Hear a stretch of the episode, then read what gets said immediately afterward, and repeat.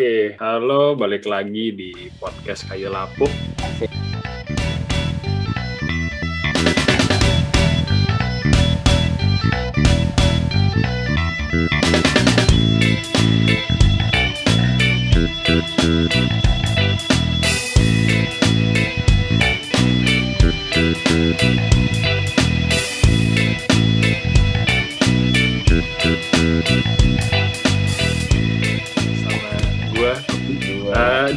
Seperti biasa ada lo ada ini ya, Pram dan Harisudin. Yo, Balik lagi tuh Ah, gimana ya? balik lagi kan karena kita udah banyak episode nih. Sebelum udah ada berarti? Walaupun gue sebelumnya sebelumnya gue bukan hostnya tapi kali ini gue dikasih kesempatan sama empunya gitu. Iya dong. Iya, oh, iya. Kan kita udah merger, Kehormatan loh. udah merger dulu kan gue bikin Mm-mm. sendiri. Kayak dapat tawaran. Merger. Gila, sebuah kehormatan loh ini. Bisa bisa dijadi apa? Disuruh nge-host gitu ya. Walaupun gue belum pernah nge-host sih. Oke, jadi topik kita malam ini tuh ngebahas soal yang namanya film. Kebetulan kan anggota kita satu nih. Gila, anak perfilman banget. Iya. Dan kebetulan nih juga kan. lagi rambut gue segini nih. Iya. Lu kayak Reza Rahadian tau gak rambutnya? Kalau dipanjangin kayaknya mirip dah. Ya, lanjut lanjut. Kebetulan kan juga lagi liburan ya Viv ya. Jadi bisa bahas film. Mm-mm. Pandemi gini kan enaknya nonton iya film. nih, nonton film bukan bikin film ya. Gila, kalau lagi pandemi gini kan, kalau lagi pandemi kan lu kayak, ya lu kerjaan lu cuma WFH di rumah. Iya. Rumah Ya lu ngurus anak, ya lu, lu ngurus ngurus hobi lu. Tapi kan juga pasti pasti ada yang namanya main apa nonton film. Jadi kayak nonton film tuh pasti ada kegiatan di rumah lu selama lo di rumah gitu kan. Nah, itu. Iya, iya. Jadi Heeh. coba ya guys, sekarang kita coba mulai ngebahas. Mumpung mumpung ada inside people nih gila nih. Mumpung Iya. ada inside people. Bisa Twitter. Insan perfilman lah ya. Yang sudah berkecimpung. Secara Insan profesional. perfilman. Meskipun belum besar tapi secara profesional. Iya, hitungannya udah. Iya. Mm-mm. Karena udah menghasilkan duit kan ya. Iya benar. Ya, jadi udah Iya, benar. dibilang profesional. Eh, Viv, mulai aja. Iya, jadi gimana nih? Chris, kita kasih waktu kayak kasih tahu gimana sih eh, perfilman dunia perfilman tuh kayak apa gitu. Oke, gue nih. Iya, dong. Hmm. Kalau uh, ini suaranya doang ya. Kalau perkenalkan nama gue Haris, gue dan gue adalah penulis skenario amatir. Iya, Terus mulai. Nah, jadi kalau di Indonesia itu, kalau di Indonesia itu sekarang ini kan lagi susah nih. Eh, biasanya orang-orang bikin film tuh ngasal eh, asal ada, tahu-tahu bikin, tahu-tahu selesai, tahu-tahu dapat duit aja. Kayak beberapa genre kayak horor dan lain-lainnya. Nah itu terus kalau di sekarang ini lagi terbatas banget karena kan nggak boleh ngumpul-ngumpul dan lain-lain. Tapi biasanya orang-orang dengan studi khusus kayak di kolektif seni gitu-gitu, itu mereka punya cara-cara eksplorasi sendiri untuk bikin film. Kayak misalnya yang dia Dian Sastro gitu, ngide bikin film di dari rumah, pakai webcam gitu, tema-tema webcam. Jadi kita nonton orang di webcam. Beda sama Gimana tuh? kayak dulu, kayak apa kayak sebelum-sebelumnya kan syuting di lapangan gitu-gitu. Hmm. Nah, itu kalau di masa-masa sekarang. Cuman kalau di kalau dari segi gue yang bukan latar belakang film itu kalau bikin film itu di Indonesia itu kurang bisa menghasilkan banyak uang gitu kecuali lu networknya banyak banget ke mana-mana kayak contohnya Joko Anwar. Joko Anwar itu dia juga lulusan kampus teknik cabang Bandung. Nggak tahu tuh lulus Eh. apa enggak, tapi koneksinya banyak. Nah, terus di koneksinya banyak banget Oh, iya. dan karirnya juga udah lama dia tuh nggak nggak terlalu gemilang sih kalau kalau ditelaah lagi ya cuman kebetulan di tahun-tahun ini lagi bagus soalnya kalau di, dilintik dari dia mulai tahun berkarir tahun 2000 eh, dia tuh dulu mulai film nongol di depan layar tuh Arisan Arisan tuh 2002 Oh, iya, sempat Hmm. rame tuh ya filmnya, sempat sempat Ah, booming sih. booming dan kontroversial itu kan 2002 tuh kan 18 tahun lalu tuh dan Iya. 18 tahun menuju ke sini tuh nggak nggak sebentar gitu jadi emang Hmm. dia juga pasti struggle tuh di bidang itu jadi intinya film tuh nggak bisa buat nyari duit banget kecuali lu ada sampingan-sampingan lain. Atau kecuali lu di bidang eh, apa production house. PH PH itu kayak di kalau di bidang perkapalan tuh kayak kontraktor. Jadi dia ngebikinin orang iklan ngebikinin orang series. Kayak yang lu di TV-TV itu itu Hmm. pakai PH kayak eh, lu tahu ini kan apa tuh namanya gula tuh? Gula anti diabetes itu produk itu. Tropicana Slim. Itu kan dia bikin Iya, iya. series tuh. Nah itu yang Oh, iya, bikin iya. itu Tropicana Hmm. Slim itu punya dia cuman punya ide punya ide. Maksudnya nih gue pengen campaign ini nih. Gue pengen campaign kalau gula tuh makan gula tuh uh, harus yang sehat. Kalau nggak ntar lu bisa mati nah muncullah ide itu terus dia nyari production house yang bisa mengerjakan uh, mengerjakan pesan-pesan itu tuh tersampaikan ke orang kepilihlah cerita films itu nama production house yang kalian bisa lihat di website eh di YouTube sekarang YouTube. Nah itu YouTube. kerjaannya mereka. Akhirnya mereka bikinin film itu. Nah itu salah satu pekerjaan. Nah itu kalau dikalibrasi sama bidang perkapalan juga sama sih. Kayak misalkan Pertamina pengen kapal gimana gimana gimana, ntar kontraktornya mau nyediain, ngebikinin kayak gitu. Itu yang paling sustain. Kalau dari dari sisi produksi begitu, kawan-kawan. Overview, overview nggak prolog. Mana, Viv? Menarik sih. Benar. Tapi kalau ini karena lo gue ngebahas, ya gue, gue, gue, gue bisa memahami posisi lo sih, kayak pandangan lo yang sebagai script writer sih. Emang Mm-mm. kalau gue ngeliat sendiri juga, nggak tahu ya, gue ngeliat emang nggak tahu. Gue ngerasa kayak dunia per- perfilman Indonesia tuh sempat ada downnya kan. Dulu kan tahun 80-an itu kayak masa-masa Orde Baru itu film-film panas semua isinya. Ya, lo tau lah maksudnya film panas. Terus kayak Hmm. Habis ada film panas, eh, ya udah lo tahun 90-an, eh 80-an, 80 tapi selain selain di film panas itu kan ya ada Warkop DKI juga yang bikin film anti mainstream parah gitu kan isinya semua film itu kan isinya satir semua kan. Iya, Satir iya. semua. Satir Dan gak nyambung.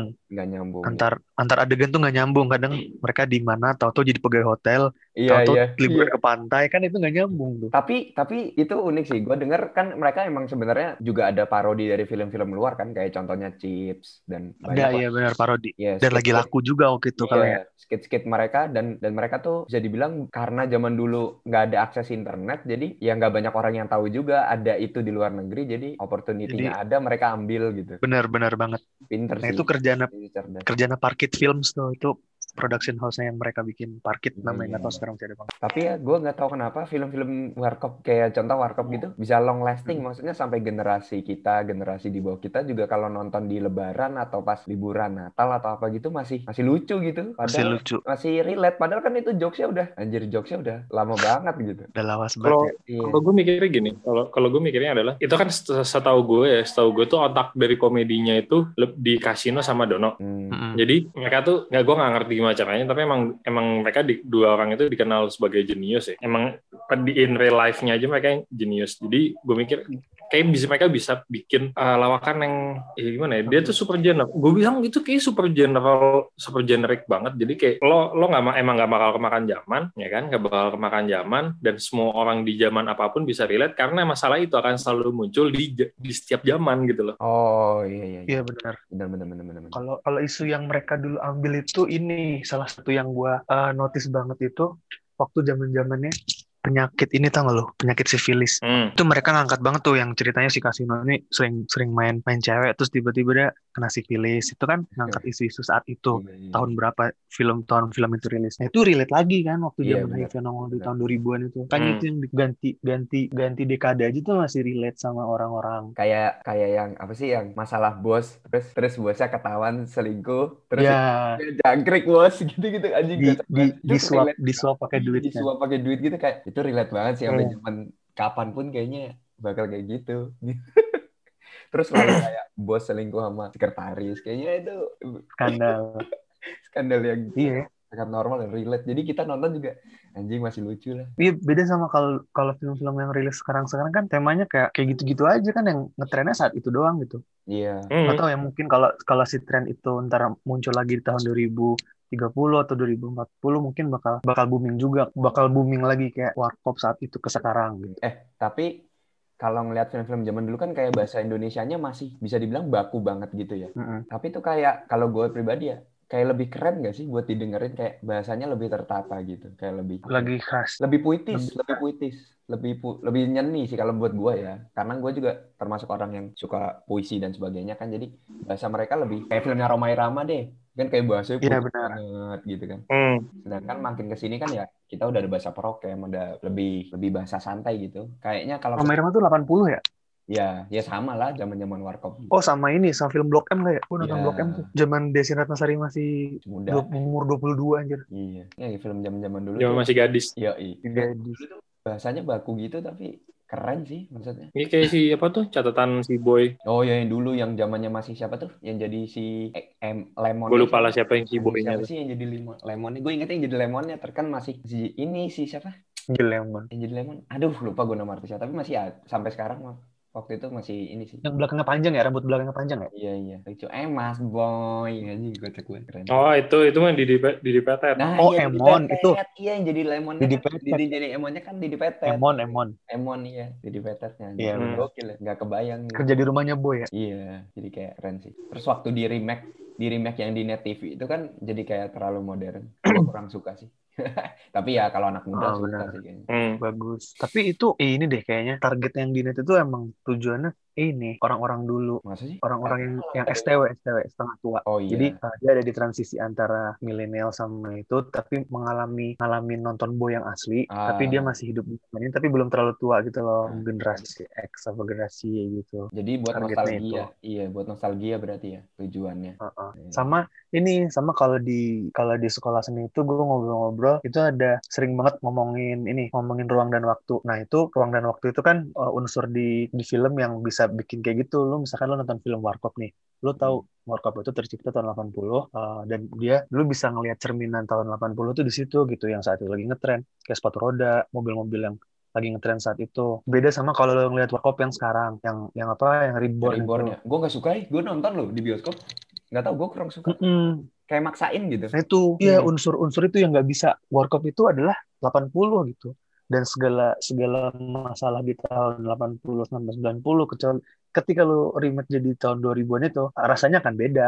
Beda banget. Hmm. Kan orang-orang di kepalanya, oh Warkop tuh, Warkop tuh gini, dan Kasino tuh gini. Pas Iya, lu lihat iya. Eh, lihat yang barunya itu, ekspektasi lu tuh nggak nam- nyampe. Hmm, Jadi benar. lu pasti kecewa kayak lu yang tadi tuh, ih, gua, gua kurang suka nih yang baru, karena ekspektasinya nggak masuk. Iya benar benar. Hmm.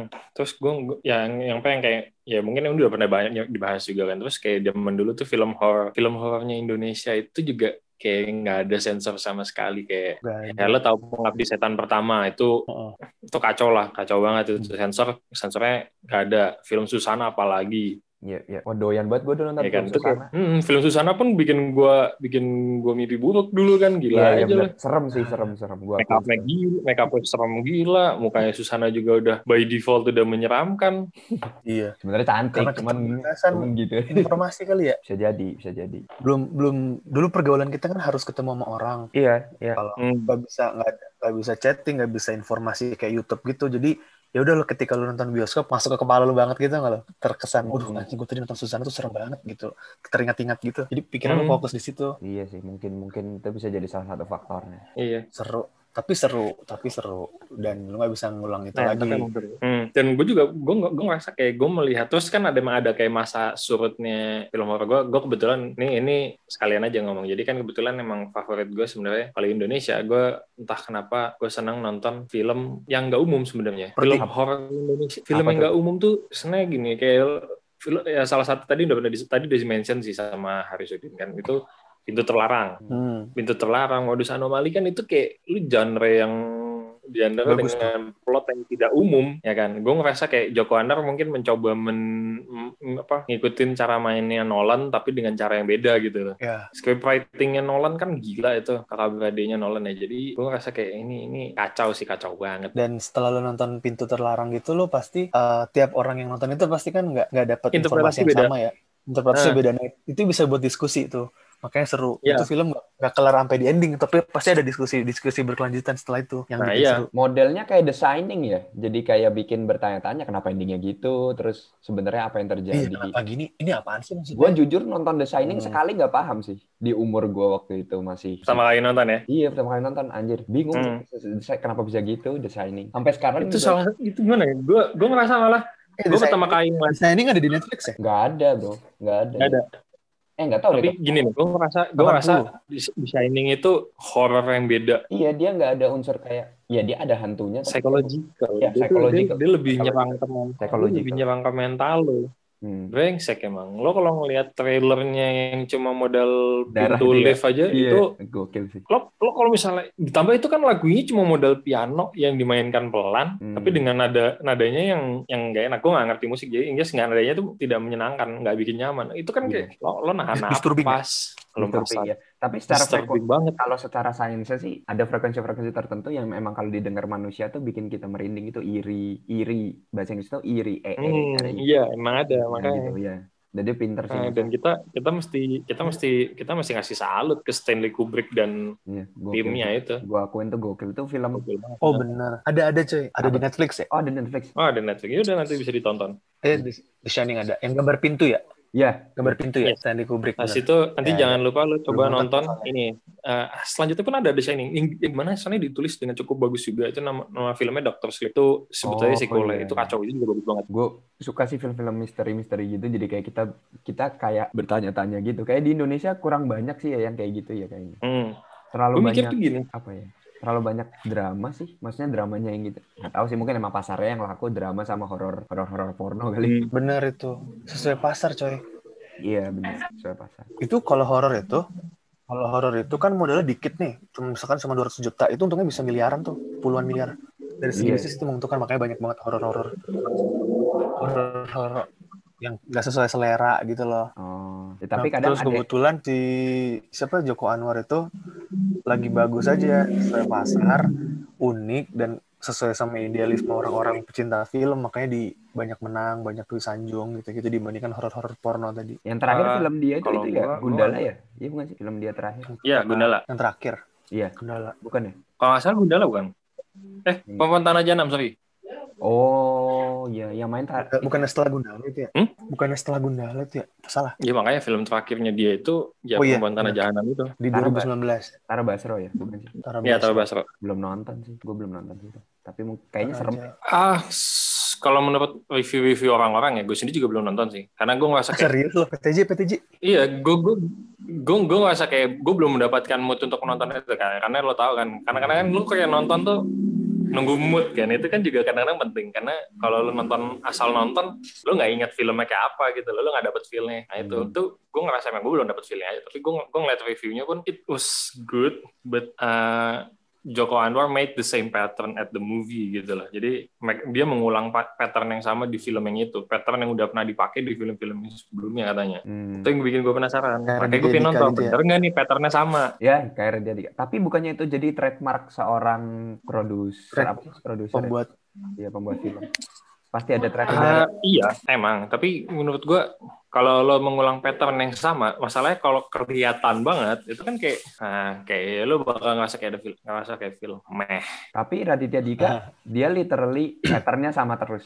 Patternnya sama terus tapi laku. Gue Oh, kalau kalau itu itu karena no- target pasarnya adalah tidak mikir, tidak perlu mikir gitu loh. Hmm, Maja ya. remaja bener-bener. Oh iya. iya. Kan gini, Joko Anwar sudah membangun, Joko Anwar kan membangun ekspektasi buat penonton, apa, viewernya Iya. gitu. Kalau Raditya Dika mah nggak membangun ekspektasi apa, cuma kayak karena dia udah punya follower banyak, kayak ngomong kan, gue udah gue bikin film nih, tonton ya, ya udah, followernya mau, ih, ih Bang Radit bikin film, ya udah nonton, nonton aja, udah nonton, lo nggak mikir, Iya. lo nggak ada ekspektasi apa apa, ya udah karena ada idola gue no- bikin film, ya gue gue tonton aja, udah gitu aja kan. Ya benar. Di tapi perempuan tanah Tuh. jahanam itu dinilai bagus loh gitu. Nggak tahu pertimbangannya apa ya. Sampai sampai 15 nominasi itu 10-nya menang juara. Anjir, Saking 10. bagus, saking bagus Nah itu, FFI 2020. makanya gue juga gue juga penasaran sih. Mm-mm. Nanti lah, ada nanti lah kalau gue ini. Butuh spoiler nggak? apa? Butuh spoiler nggak? Ah, ah, ya. Kayak apa ya?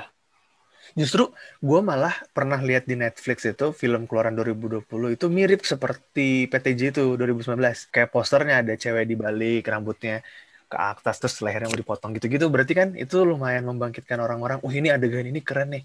Motong orang dibalik, dibalik, digantung dibalik gitu, terus rambutnya ke atas-atas. Kayak film PTJ persis gitu. Itu inspiratif juga sih. Sampai ada niru. Hmm, tapi untuk eh, buat gue eh, yang masih bikin terngiang-ngiang di kepala ya itu filmnya Ari Aster ya kayak yang lo tahu Oh yoi, yoi. Apa The tuh? Best. nggak tahu. Apa tuh? Ari Aster Itu yang dikenal karena itu ya, film namanya? Hereditary sama Midsommar Hereditary yang buat gue buat gue masih kalau Midsommar gue gue gue nggak dapet feel ya kayak oke ini ini adalah cult kalau cult gue udah kayak udah selesai gitu aja cult Cult udah pasti. Cult udah pasti.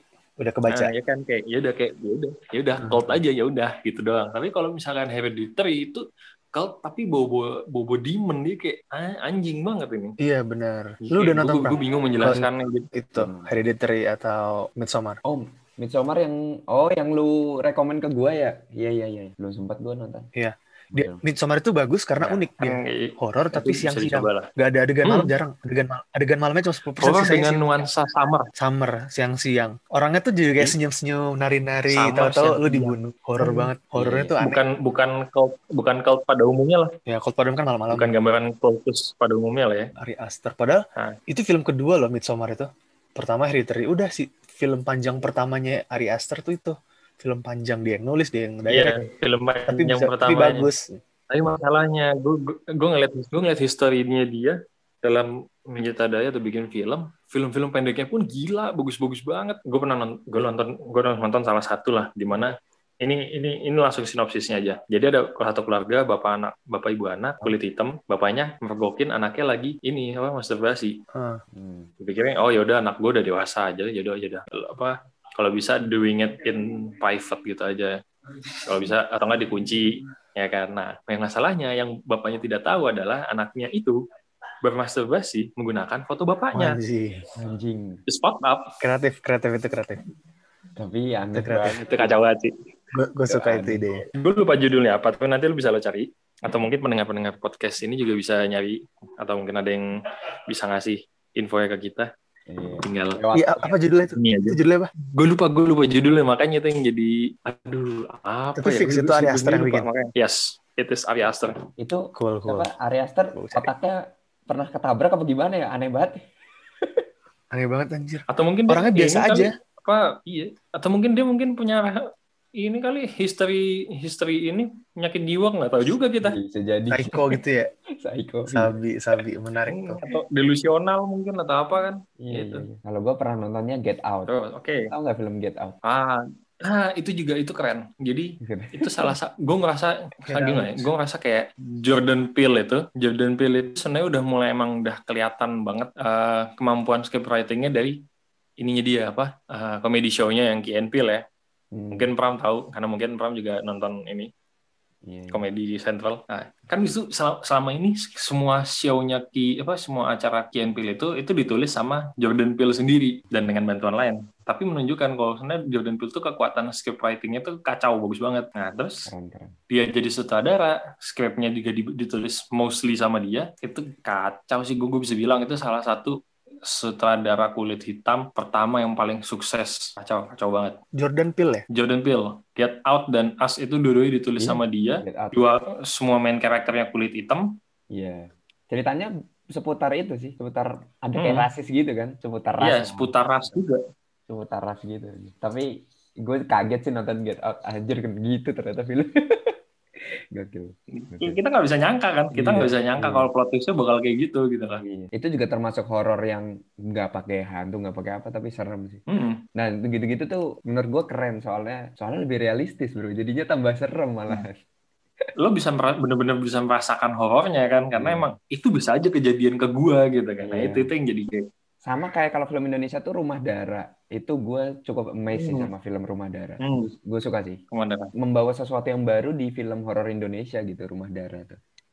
hmm. Mob Brothers juga emang emang emang emang pasti kita akui pintar lah ya karena mereka membuat semuanya menjadi gore Cuman yang gue habis nggak habis pikir emangnya kalau kita makan daging manusia beneran bisa jadi superhuman gitu ya?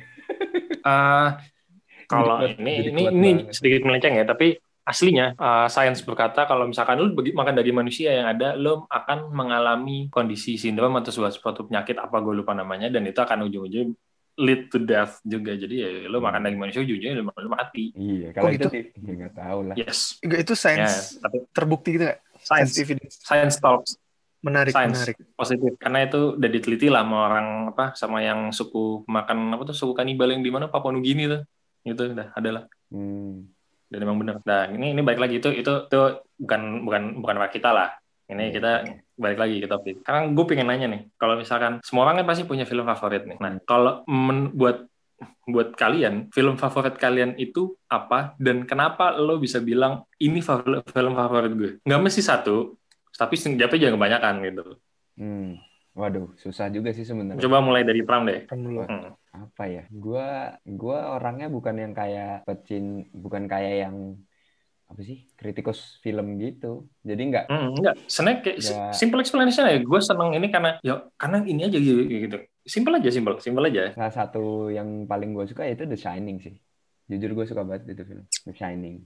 Buat horor ya. Itu The Shining. Kalau eh, gue mau nyebut film action, cuman film action tuh gimana ya? Film action tuh ini sih. Kadang kalau gue ngelihat film tuh dari genrenya. Kalau dia menetapkan buat genre film itu untuk horor, ya horornya harus dapat. Kalau enggak ya gue nggak mau. Tapi kalau misalnya dia kan banyak kayak orang bilang, wah film ini story-nya jelek, film action misalnya. Wah story-nya jelek gitu doang. Ya, tapi yang dicari kan actionnya. Hmm. Kalau gue kayak gitu, kalau gue kayak gitu, Hmm. tergantung genre. Tapi overall nih ya, kalau gue mau boleh bilang, gue suka, gue sebut dua deh. Satu The Shining. Itu horor yang gue sampai sekarang bingung itu kenapa endingnya kayak gitu.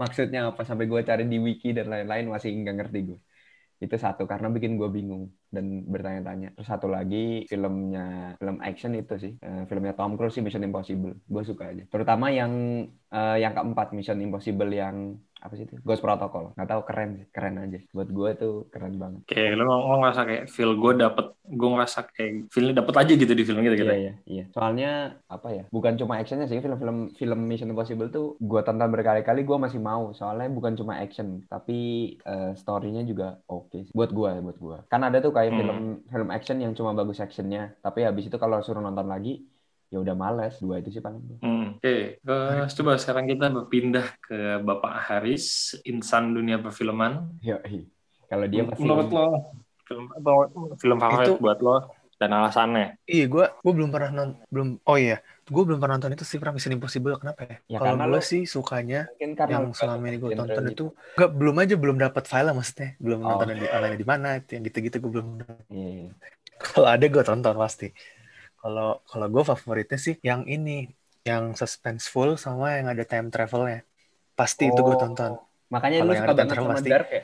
Uh, eh, gue suka banget sama Dark itu alurnya lompat-lompat banget itu suka sama Back to the Future itu udah pasti itu trilogi film okay. terbaik yang tidak pernah ada lawan sih sampai sekarang kayaknya terus okay, gue suka Looper juga Looper kan time travel juga oh, pokoknya harus harus hmm. yang ada yang ada distorsi waktu sama suspenseful kayak contohnya kayak gue mau ngomong apa tuh tadi ya? Film-film yang itu yang kayak uh, Ari Aster itu juga bagus tuh kan suspense tuh. Kita hmm. nontonnya tuh sampai kayak ke bawah ke bawah bukan takut tapi ke bawah tegang. Anjing ini gimana sih kalau gue jadi tokoh utama itu?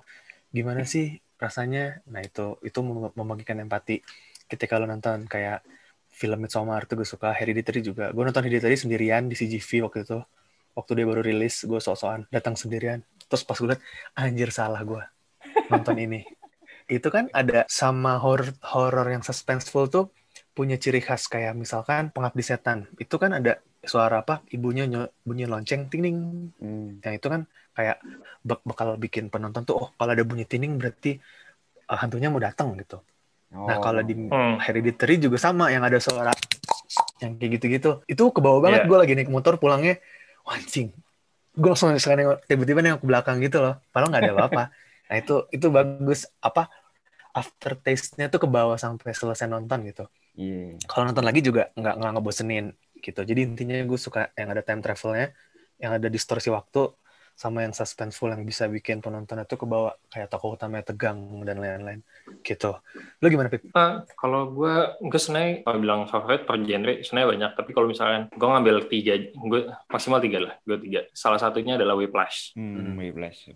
Whiplash gue mikir uh, karena sebenarnya Whiplash itu gue gue ada penyesalan karena gue nggak nonton di bioskop di mana soundnya jauh lebih kerasa dibandingkan lo nonton bukan di hmm. bioskop ya kan karena ya itu jelas itu itu juga jadi jadi topik kita nanti ya, selanjutnya nih soalnya di mana bedanya nonton di bioskop sama enggak gitu kan. Hmm. soalnya gue ngerasa emosi sama sound itu ngaruh banget. Terutama di Whiplash itu lo lo benar-benar kayak diombang ambing dibawa terus apalagi pas di akhir di ending final scene dia tahu-tahu ngide gitu. Nah itu gue gue sebenarnya waktu itu gue lucu banget. Sebenarnya waktu itu gue niatnya gue mau tidur sambil nonton film gitu kan. Biar gue yaudahlah nonton film ketiduran gue niatnya mau tidur jadi gue nggak bisa tidur sampai gue akhirnya googling ya kan googling soal film itu endingnya sebenarnya gimana. Sama gue kayak Pram gue meninggalkan tapi bedanya ini kan film musikal padahal tapi meninggalkan iya. banyak tanya ini sebenarnya gimana endingnya gitu. Endingnya kenapa endingnya kok asik banget eh, gue akhirnya tanya-tanya gitu terus kalau film horor kalau film horor gue juga gue mesti ngakuin sih gue nggak bisa ngilangin dari kepala gue itu Exorcist. Oh Exorcist. Iya iya gue nonton itu juga keren sih. Exorcist bukan keren buat gue. Exorcist udah mimpi buruk gue. Tapi itu keren bro, itu kisah nyata bro. Kisah nyata. iya. Gokil. Iya kan, Exorcist yang pertama itu kan Exorcist yang beneran dari kisah nyata kan. Exorcist yang selanjut selanjutnya itu kan udah enggak. Iya iya benar. Wah itu serem sih emang. Nah, Exorcist yang pertama itu meninggalkan gue memang mimpi buruk.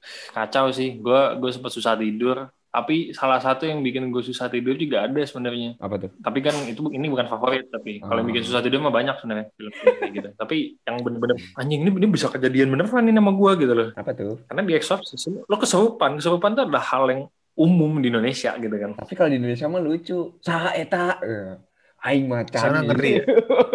Ini kan aduh, mau nggak ya? Kan enggak itu bisa. Karena pengen bunuh nih. Di sana pendeta yang dibunuh. Nggak beda jauh sama mengabdi setan. Kiainya mati juga. Iya, iya benar. Kayaknya mati, dukunnya mati, semuanya mati. Iya, mati. Hmm. Nah, iya. terus Eh, sorry, kalau sorry. gue gak tahu sih satu lagi paling film ini adventure adventure atau Hmm. kayak apa ya film mungkin film simple tapi gue gue bisa menemukan kebahagiaan atau semacam kayak moving gitu itu bukan malah film-film inspirasional kayak Pursuit of Happiness enggak gue ngerasa kayak gue gue terjebak di antara favorit gue tuh uh, Hector and the Search of Happiness atau Secret Life of Walter Mitty Oh, Secret Life of Walter Mitty keren sih. Keren, keren. Secret Life of Walter Mitty itu kesannya kayak menggambarkan kayak hampir bisa dilihat ke semua orang karena kayak lu menghidup kehidupan orang yang biasa-biasa aja lu suka daydreaming di mana kita Hmm. suka daydreaming kan ngimpi tapi sebenarnya ya cuma mimpi aja namanya kalau- kalau di situ makanya dia bisa ngelakuin entah gimana tapi kan yang namanya film tapi di situ kayak lu di situ kayak diajarkan ya udah make a move do something biar yang lo mimpiin jadi ya nggak jadi menjadi mimpi itu sih buat gue sih itu itu genrenya adventure ya? Iya, Ya, mungkin bisa dibilang adventure ya karena emang ada ada tapi Eh, adventure-nya adventure hayal gitu loh. Dia menghayal Eh. gitu. Maksudnya gue gue kira adventure kayak Jumanji gitu. Itu kayak adventure Oh. juga, itu bukan. Itu mah iya. Tapi Jumanji, Adventure gue tuh Jumanji. kalau Jumanji tuh ini, dia bukan kayak bagus banget, tapi enak ditonton. Kayak kalau kita bosen, Hiburan. Iya, jadi Enak ditonton. i- i- jadi kayak wah, lagi pengen nonton nih, tapi nonton film yang serius capek, lagi nggak mau, pengennya yang santai gitu. Yaudah Itu. nonton Jumanji gitu. Kayak apa ya? Benar-benar. Alice in Borderland juga itu. Iya. Kayak role playing enak ditonton ya, udah ditonton aja dinikmatin nggak nggak usah dipikirin, nggak usah Iya, di, nggak usah di abis nonton ketakutan anjir anjir gitu, padahal nggak ada apa-apa. Hmm. Sama kayak film action Kalau sih. tapi lu pernah sadar nggak sih kalau misalnya beberapa film komedi itu kayak sebenarnya jalan ceritanya bagus banget apa Iya, cuman iya. film kalau main komedi pun sebenarnya juga biasanya underrated. Iya. Gue suka film-filmnya Steve Carell, nggak tahu kenapa. Story-nya bagus. Tahu Steve nggak? Carell. Oh, Iya. Tahu nggak Steve Carell contohnya apa nih yang bagus? gue yang paling suka tuh yang Judulnya judulnya Ju- aduh gue judulnya lupa. Tapi yang ada si ini Ryan Gosling sama Emma Stone. Eh Emma Stone? Ah, crazy, crazy. Crazy Stupid Love. Wah anjing bagus banget. Ah, Gua suka crazy stupid love. Crazy Stupid Love. Parah gue suka sih Crazy Stupid Love. Crazy stupid love keren. Gue mesti akuin emang. Gue mungkin cuma nonton sekali tapi gue nggak kayak oke ini bagus ceritanya. bagus gue suka sih nggak tahu kenapa gue suka aja gitu. Crazy Stupid Love keren. Kalau gue dari film komedi ya, film komedi yang paling gue suka tuh malah filmnya Jim Carrey, Truman Show. Kayak ya nonton juga. oh iya iya tapi Truman Jim Carrey siapa 98 gitu itu ya? yang, Hah? tahun 98 itu ya? Gue lupa tahun berapa sih, tapi yang jelas kan Truman itu film itu 98 film tuh bisa jadi kayak apa ya? Kacau Bagus sih itu, itu juga lo lo jarang banget. Itu itu yang bikin yang bikin ceritanya kepikiran aja gitu kayak lo lo ada satu orang yang direkam seumur hidup lu gitu loh. Jadi Iya. tontonan satu dunia. Tapi di tahun itu ya, di tahun 98 ya, kayak udah kepikiran naruh kamera di kancing, naruh kamera di kacamata, itu kan lumayan futuristik. Hmm. Heeh. Sampai pasti itu udah ada sekarang karena mungkin- reality show kayak gitu. Karena mungkin konsepnya kayak super reality TV super reality show gitu kan. Heeh, benar. Gitu. Bagus itu idenya bagus juga Truman Show. ngomongin soal Jim Carrey Yang- pernah nonton film Jim Carrey yang serius nggak judulnya The Number 23 itu gokil juga sih Nomor 22 itu Kenapa trailer, gue pernah nonton. Iya, thriller Asik sih. parah itu nggak ada komedinya. Jim Carrey benar-benar jadi aktor di situ. Nggak ada, ya dia emang iya. aktor maksudnya, tapi benar-benar nggak ada komedinya. Serius, Hmm. keren sih. Keren kok. Psy- Keren, keren. Psychological gitu, thriller gitu. Psychological thriller. Itu kayak, Iya. oke, dia dia punya approach yang beda dan gue gue salut sih. Keren. Nggak, karena dia jarang bikin main film di luar komedi. Iya, kebanyakan dia serius, eh kebanyakan dia bercanda, malah kebalik. Anda Kebanyakan dia Hmm. bercanda. Tiba-tiba main serius, tapi cocok dia main serius juga, masih cocok. Hmm. Gitu. kalau misalkan ngebahas film-film drama kan capek ya, karena film drama kan kita tahu ya udah dulu, ya temanya wah topik apa ya ceritanya tuh berat, banyak Hmm. intrik, banyak drama. Ya sesuai namanya drama. Yang biasanya pasti masuk kom- nominasi-nominasi gitu loh. Yang gue bingung ya, itu kenapa Lady Rebel laku banget. Gue nonton, gue bosen loh nonton. Oh, gue malah belum tahu itu. Pemainnya kali. Iya pemainnya sih keren, Anne Hathaway, terus siapa tuh yang jadi Wolverine? Duh, lupa lagi namanya. Siapa? Sama. ini Bukan, siapa namanya? Academy Apa Award sih untuk namanya? aktris pendukung terbaik. Iya, kayaknya gara-gara aktrisnya deh. Nah, Hugh Jackman ya. Itu musikal sih orang-orang sana sukanya kan musikal. Gue sih Oh, bosen nontonnya. pantas. Hmm. Masa full nggak ada ngomong anjir, bener-bener nyanyi. Ngomong aja nyanyi, ribet amat anjing. Karena Les Miserables itu aslinya kan opera atau bro, ya opera atau Iya. nggak salah itu. Ya, Berapa Broadway? Ya gitu-gitu lah. difilmin. Ya opera atau apa lah. Jadi Dua jam, Riz. Lu ya, bayangin. di mana Broadway juga. Dua jam di bioskop, lu denger orang nyanyi dua jam di bioskop. Dua jam. Ya sih setting settingnya juga Prancis abad 19. Iya, itu sebenarnya settingnya Eropa, bagus Eropa kayak gitu. zaman-zaman revolusi Prancis.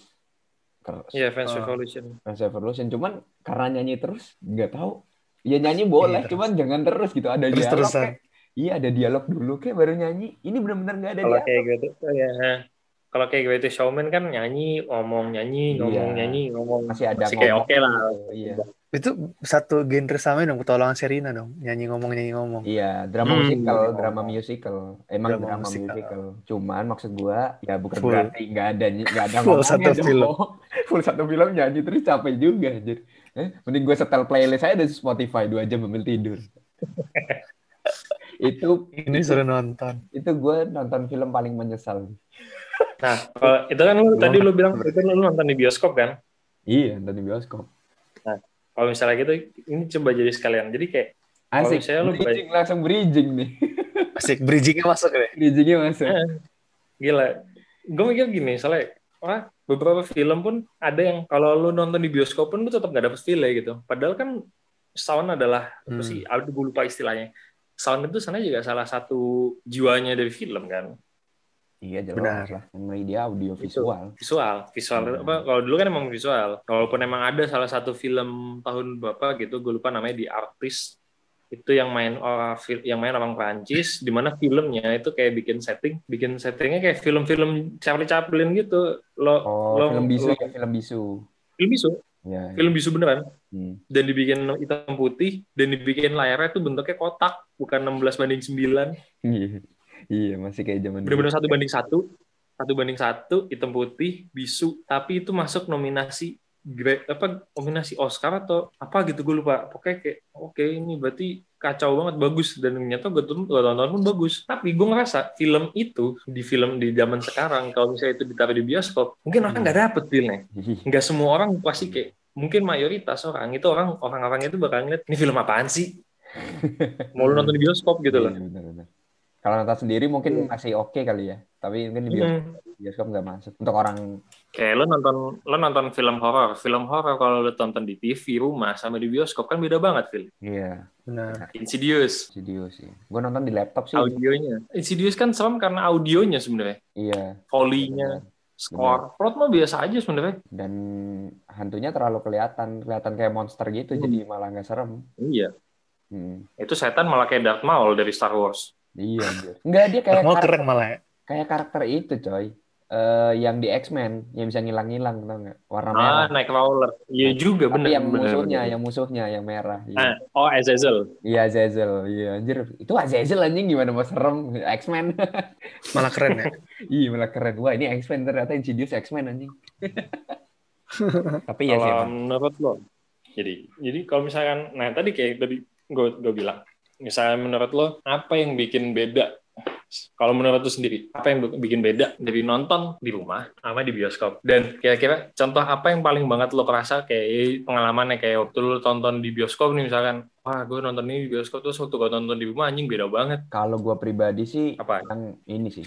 Film action kerasa banget. Film action model Mission Impossible salah satunya tadi, terus film Kingsman kayak gitu-gitu. Pokoknya yang dia tuh menggelegar gitu loh filmnya tuh menggelegar. Karena kan film action kan salah satunya film menggelegar gitu kan kayak suara ledakan, suara tembakan, suara berantem, suara mobilnya, tabrakan dan sebagainya. Kalau lu nonton kayak nonton Avengers deh.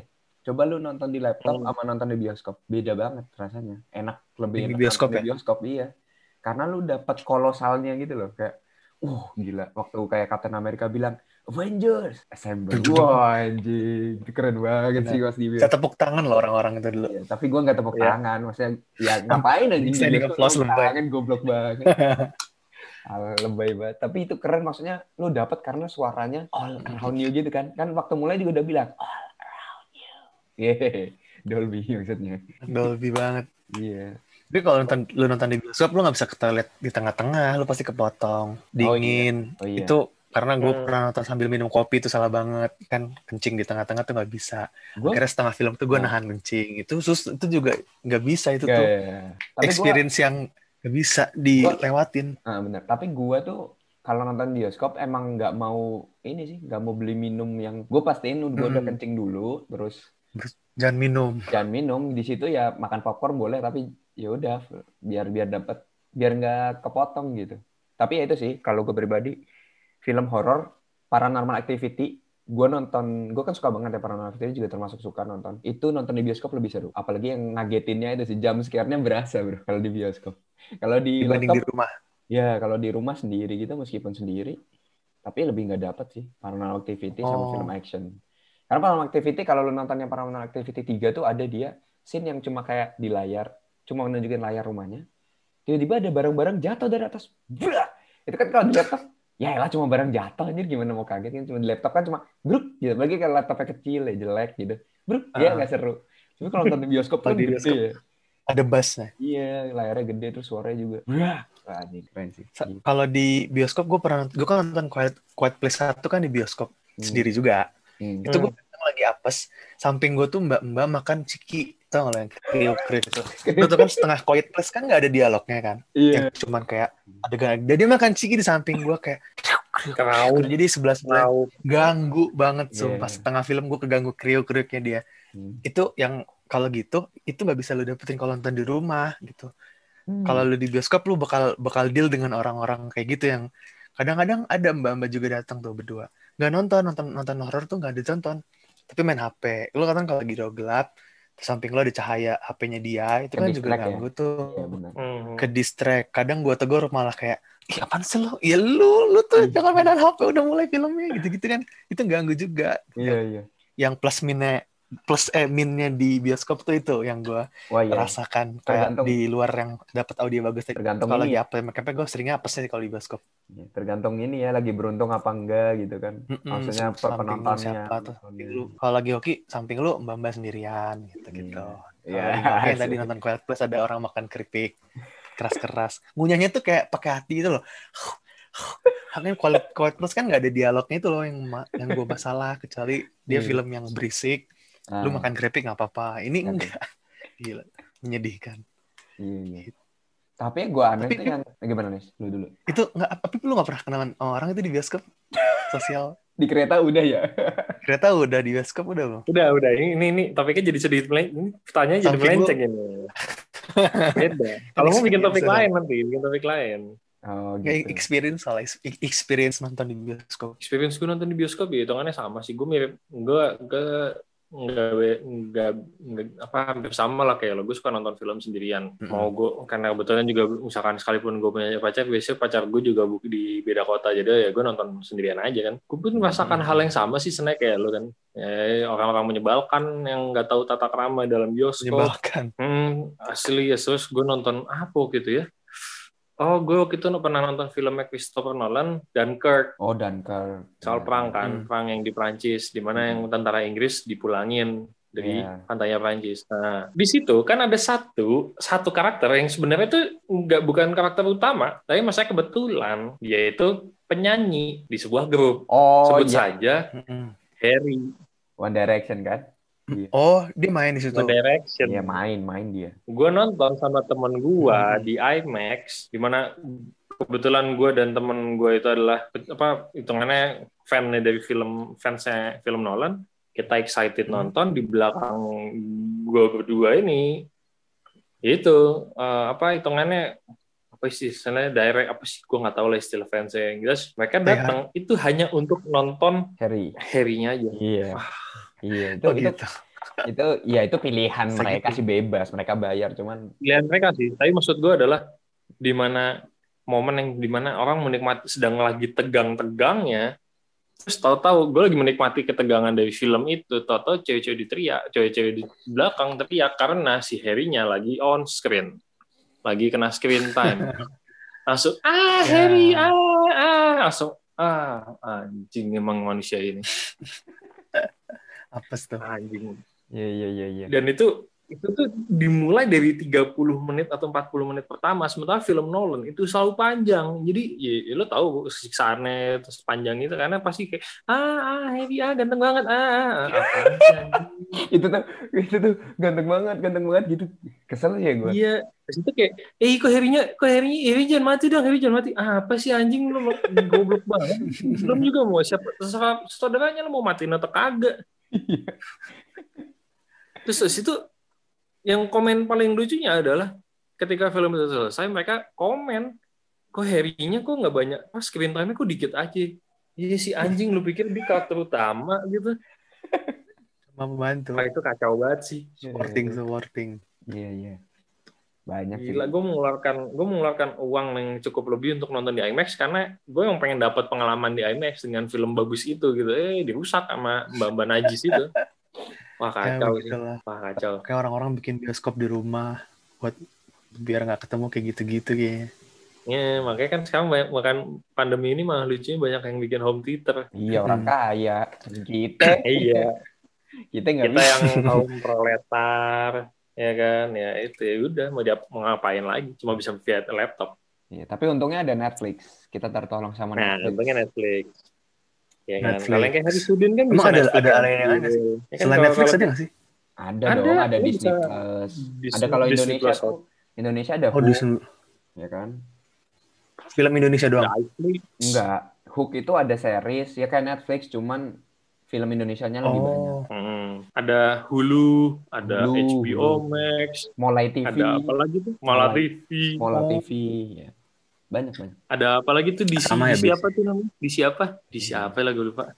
ya itu kayak gitu gitu juga. Ya, itu. Berbayar. sama berbayar Bayar semua. sama sama ya model-modelnya Gila. Nah, Seru ya, itu- Ide-ide seru. Pas tapi maksud maksudnya pengguna Netflix pasti naik sih sejak bulan Maret awal-awal pasti pandemi itu. pasti sama kayak Semua pengguna orang di rumah. peng- pengguna Zoom yang kita pakai ini naik Iya, naik banget. naik naik Semua Naik orang banget. di Zoom. Ini kan peristiwa Zoom bombing kan ya dimulai dimulai sejak pandemi ini kan. kayak konspirasi namanya istilah Zoom bombing Anjir, apa? konspirasi. Konspirasi.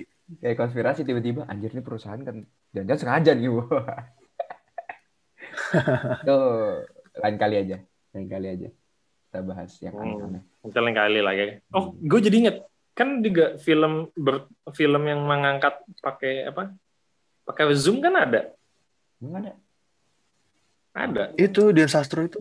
oh gue belum nonton nggak tahu Bukan, bukan. Ini film luar, film luar. Film dengan low, apa, Hmm. low film dengan low budget, literally low budget. Artis nggak semuanya, nggak ada yang nggak perlu terkenal. Setnya pakai kamar rumahnya masing, kediamannya masing-masing. Itu kan low budget banget.